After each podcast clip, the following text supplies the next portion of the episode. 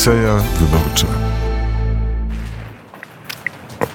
To prawda, że jeżdżę po, e, po. Przyjechałem z Nowego Sącza do e, Rabki. Do Rabki ściągnęła mnie osoba e, Bogdana pęka, bo z y, byłym posłem PSL-u, potem posłem LPR-u, e, potem europosłem, a na końcu politykiem Prawa i Sprawiedliwości e, chciałem i porozmawiałem o Narodowych Funduszach Inwestycyjnych, ale e, tej rozmowy Państwo wysłuchają być może, być może jutro. To była rozmowa nie tylko o Narodowych Funduszach Inwestycyjnych, taki wielki projekt przygotowany przez grupę liberałów z Gdańska z Januszem Lewandowskim na czele, a zrealizowanym przez e, pana e, Kaczmarka, który kiedyś był politykiem Sojuszu Lewicy Demokratycznej, był ministrem przekształceń własnościowych. Wtedy 500 polskich przedsiębiorstw trafiło do narodowych, do 20 narodowych funduszy inwestycyjnych, a potem co z tymi przedsiębiorstwami się stało, o tym opowie w przyszłych porankach Bogdan Pęka. Teraz wracamy do bardzo gościnnego nowego E, Sącza. Jeśli Łukasz Jankowski wejdzie do naszego pokoju e, redakcyjnego, to tam e, przy komputerze, przy oknie po prawej stronie siedzi Kuba Węgrzyn i właśnie u jego rodziców spędziliśmy dwa dni w Nowym Sączu. To były bardzo sympatyczne, bardzo miłe, bardzo gościnni byli dla nas, więc to były bardzo, bardzo takie, no już powiedziałem, miłe i sympatyczne dni.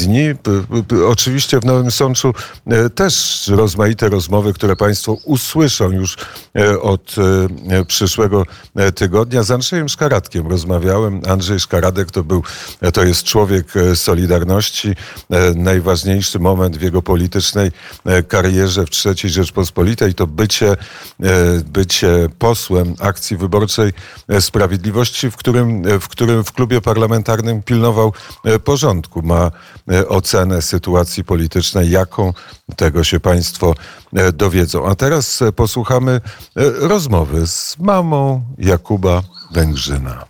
Alina Węgrzyn, mieszkam w Nowym Sączu, jestem matką dziesięciorga dzieci.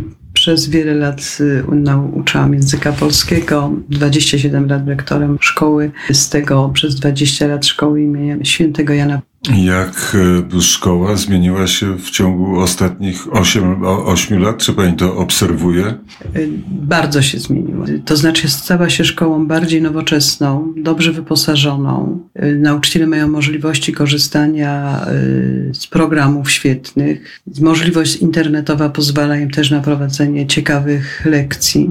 No i przede wszystkim zwrócono uwagę na wychowanie patriotyczne, na wychowanie w systemie wartości chrześcijańskich na rozwój człowieka, dużo zajęć pozalekcyjnych, możliwość realizacji swoich zdolności, zainteresowań, także otwartość na rodziców, na początku, kiedy powstał dziennik elektroniczny, byśmy się bardzo bali, że ten dziennik zamknie rodziców przed y, szkołą. Tymczasem okazało się odwrotnie.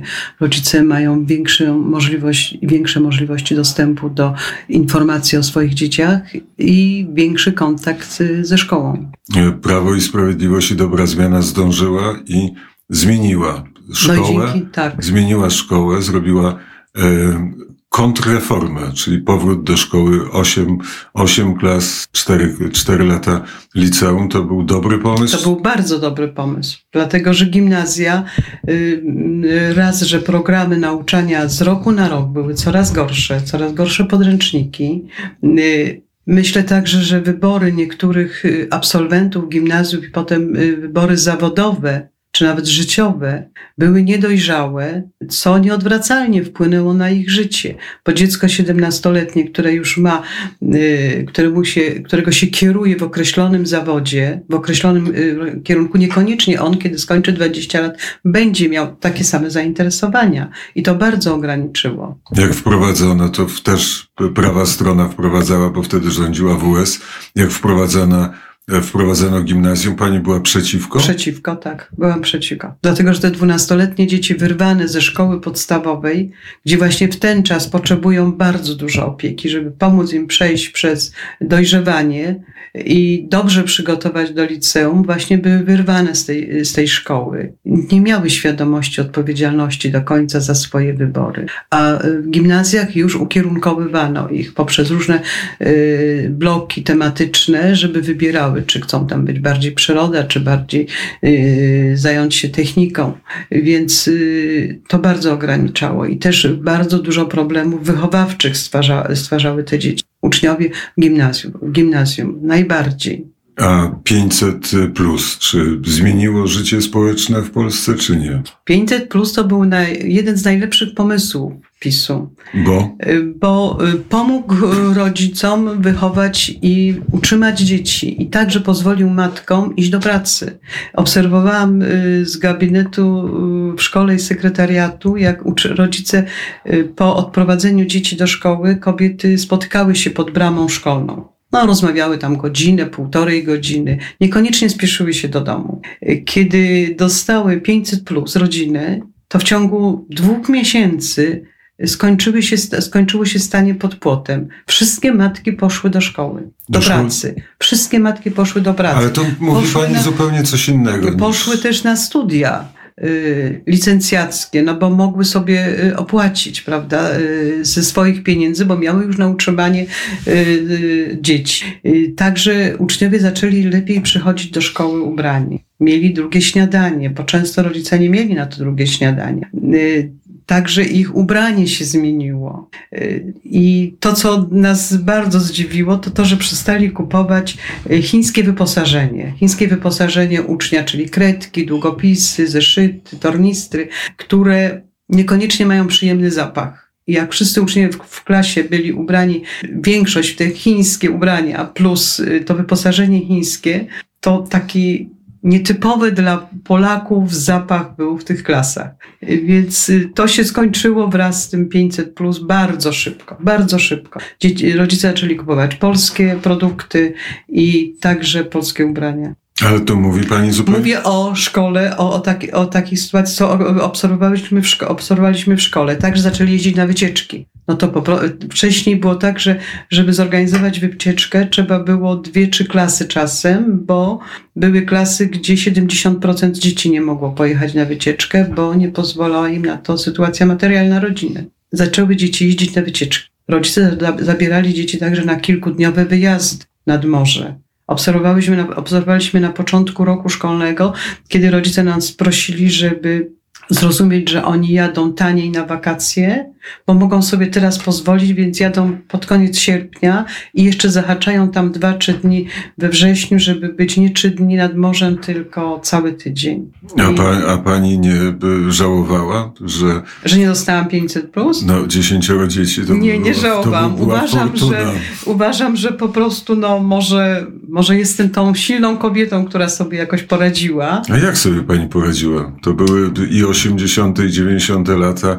kiedy te dzieci były były małe, najtrudniejsze lata z punktu widzenia takiego materialnego. No tak, ale y, dużo z mężem pracowaliśmy. Dzieci też przyzwyczajaliśmy do tego, że trzeba sobie nawzajem pomagać y, i tłumaczyliśmy im no mo, może żyliśmy wartościami bardziej i te rzeczy takie przyziemne nie stanowiły dla nas y, takiej wagi wielkiej. No ale dla dzieci mogły stanowić. Dla dzieci tak, ale staraliśmy się im jakoś rekompensować to poprzez wyjazdy na kolonie, to, y, to nam się udawało, czy do rodziny na wakacje. Dużo pracowaliśmy z mężem. Nie, nie zazdrościłam 500+, plus. uważam, że y, to naturalne jest, że państwo wspomaga rodzinę i właściwie dla, rodzin, dla państwa rodzina jest największą wartością i ludzie. Jak nie ma młodych ludzi, nie ma dzieci, no to państwo się kurczy coraz bardziej, aż w końcu go nie ma. Wcześniej nie inwestowano w rodziny, wręcz lekceważono rodziny, prawda? Rodziny wielodzietne były y, uważane za rodziny z marginesu społecznego. A pani była dyrektorem szkoły, dyrektor z marginesu społecznego. no, nie uważałam tak. Pani nie, a może naokoło. Może No, może w pokoju nauczycielskim plotkowano. No na pewno, na pewno, ale jakoś nikt nie miał odwagi mi tego nigdy powiedzieć. Znaczy czasem spotykały mnie jakieś przykrości ze strony kobiet, nigdy ze strony mężczyzn. Jakiego typu? No, takie złośliwe uwagi. Obserwuje pani na pewno kampanię wyborczą i co pani o niej sądzi, o tym, co się teraz w polskiej polityce dzieje? Znaczy niepokoi mnie to, że ludzie y, dorośli, starsi posługują się wulgarnym językiem, że kłamią. To jest dla y, młodego człowieka bardzo negatywny przykład, bardzo negatywny obraz dorosłego człowieka. Myślę, że y, dorośli są odpowiedzialni bardzo za to, co mówią. Każdy człowiek jest odpowiedzialny, ale dorosły, dojrzały człowiek powinien ważyć nie tylko, że rani tymi słowami drugą osobę, ale także no, swoją postawą uczy młode pokolenie niewłaściwych rzeczy. To mnie bardzo. Oficjalnie wulgaryzmy istnieją w polskim życiu politycznym. No i to właśnie to jest właśnie bardzo. Jest pani optymistką? Tak, no tak, no bezwzględnie. Gdybym nie była optymistką, to przede wszystkim nie miałabym, nie mieliśmy takiej dużej rodziny. Nie da się bez optymizmu wychować takiej dużej rodziny. Trzeba mieć pewne założenia. Byśmy sobie założyli dwie rzeczy, żeby dzieci były wychowane po katolicku i żeby ukończyły studia. I uważaliśmy, że, y, że y, to im pozwoli wybierać. Mają podstawy. No już potem w dorosłym życiu wybiorą sami, prawda? Y, Poza tym, y, no też nie udałoby mi się pogodzić pracy obowiązków matki, a dla mnie rodzina jest największą wartością, z obowiązkami w pracy, a bycie polonistą to było moje największe marzenie z młodości. Więc y, nie udałoby mi się bez tego. Która z lektur jest pani ulubioną? Z lektur nad Niemnem, Naprawdę? Te długie opisy? no ale piękne. Bardzo dziękuję za rozmowę. Dziękuję za pyszne pierogi, za wspaniałe konfitury, a przede wszystkim za wspaniałą atmosferę w domu, który pani razem z mężem tworzy. Dziękuję bardzo.